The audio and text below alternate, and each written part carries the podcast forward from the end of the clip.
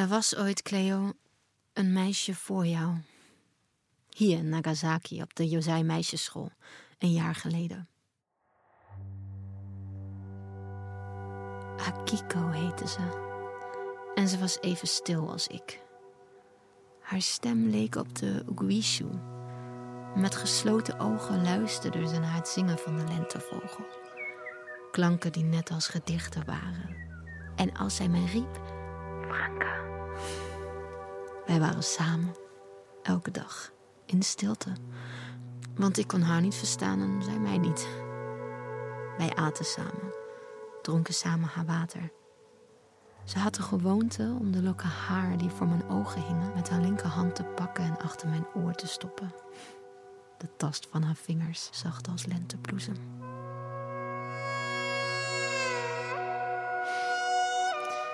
En haar blik. Akiko. Franka. Toen haar vader in de strijd in China stierf, verhuisde ze naar Fukuoka, waar haar opa leefde.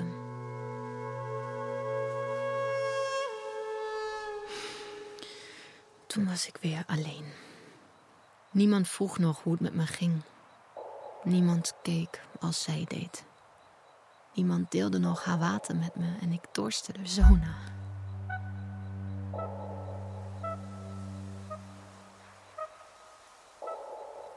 Ik deed niets dan dwalen in de heuvels van Minamiyamate en ik tuurde dromend naar de karpers en de vijver. Bij de Ibomatsu lag ik in het gras te denken en soms leek alles wat ik dacht echt te zijn en had ik het gevoel dat ik een stoornis had en dat het logisch was dat niemand met me sprak of naar me keek.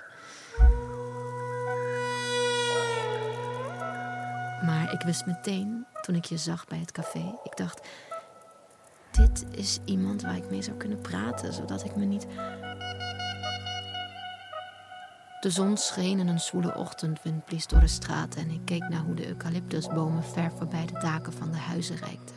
Hoe hun takken naar de hemel staken en het rook naar Casutera. Rook en umepruimen. En je zei dat je graag wilde praten. Je had behoefte aan een echt gesprek.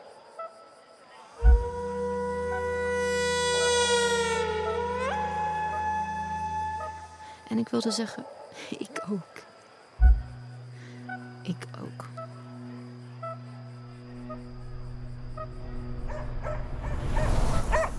Ik weet het, Marcus. Waarom zei ik niets?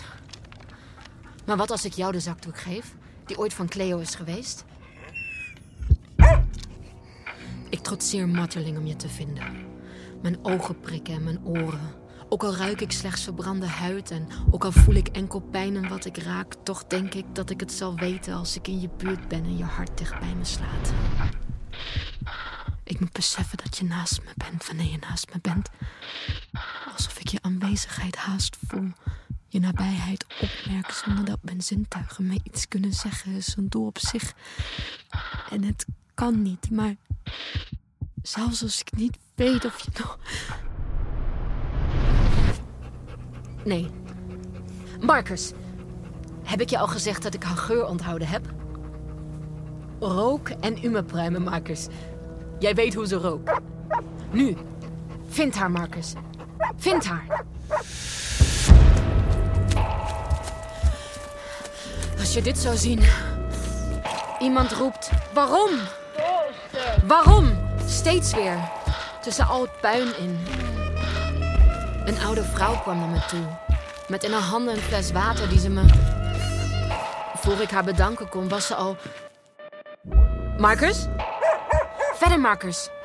Jouw neus kan haar vinden. Iemand gooit met stenen en een kind rent naar een oude man toe die hem niet herkent en wegduwt. En ik loop door, met de fles nog in mijn hand, als een meisje, niet veel jonger dan ik ben, zich aan me vastklampt en me om water smeekt. Water. Water, alsjeblieft. Ik heb geen water, zeg ik. Er is niks. Ik geef haar de lege fles. Haar hand trilt. Water, zegt ze. Ik ben stil. Ik leg mijn hand zacht op haar schouder en ik wil haar zeggen dat het goed komt. Maar er komen uit mijn keel geen klanken meer. Ik kan niks doen. De koeitempel is vernield. En er zit een meisje zonder haar en een wit hemdje op de grond. Als ik haar wenk, schudt ze haar hoofd en blijft ze zitten. Okamachi. Okamachi, zegt een vrouw. Daar is hulp! Ik knik en loop erheen, want misschien ben jij daar. Maar niemand van de mensen die daar zit of ligt of leunt tegen een muur verslagen kijkend lijkt op jou. Kom, makers, verder. Ik zoek de ziekenhuizen af en weet niet of het nacht of dag is.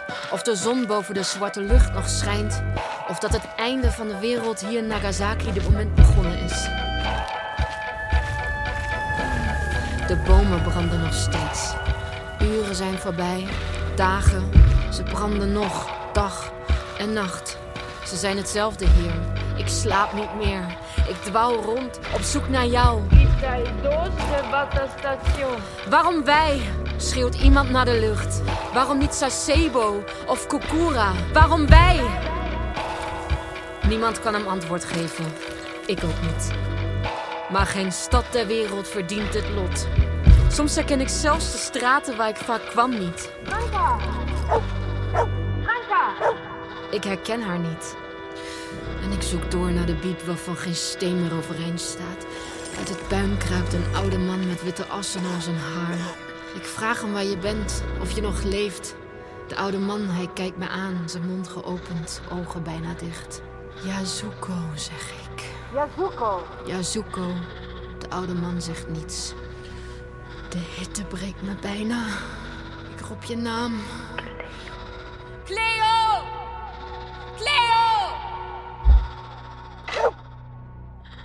Waar ben je? Een vrouw wordt door haar moeder voortgesleept. En jongens naast me staren naar hun handen. Een oude man zit op de grond, kijkt voor zich uit en zegt alleen maar nee, nee, nee. En ik weet, dit is wat oorlog is. Want altijd als ik papa vroeg naar wat hij deed, ontweek hij mij. En dan, zijn blik werd star, zijn ogen dof, zijn schouders trokken op. Ik voelde hoe hij zuurstof uit de ruimte zoog. Het is niet altijd zo geweest. Ooit was hij anders. Zachter. Hij was zachter. En hij speelde met ons. Vroeg ons wat we dachten. En soms zong hij. Heel zacht, met een trilling in zijn stem.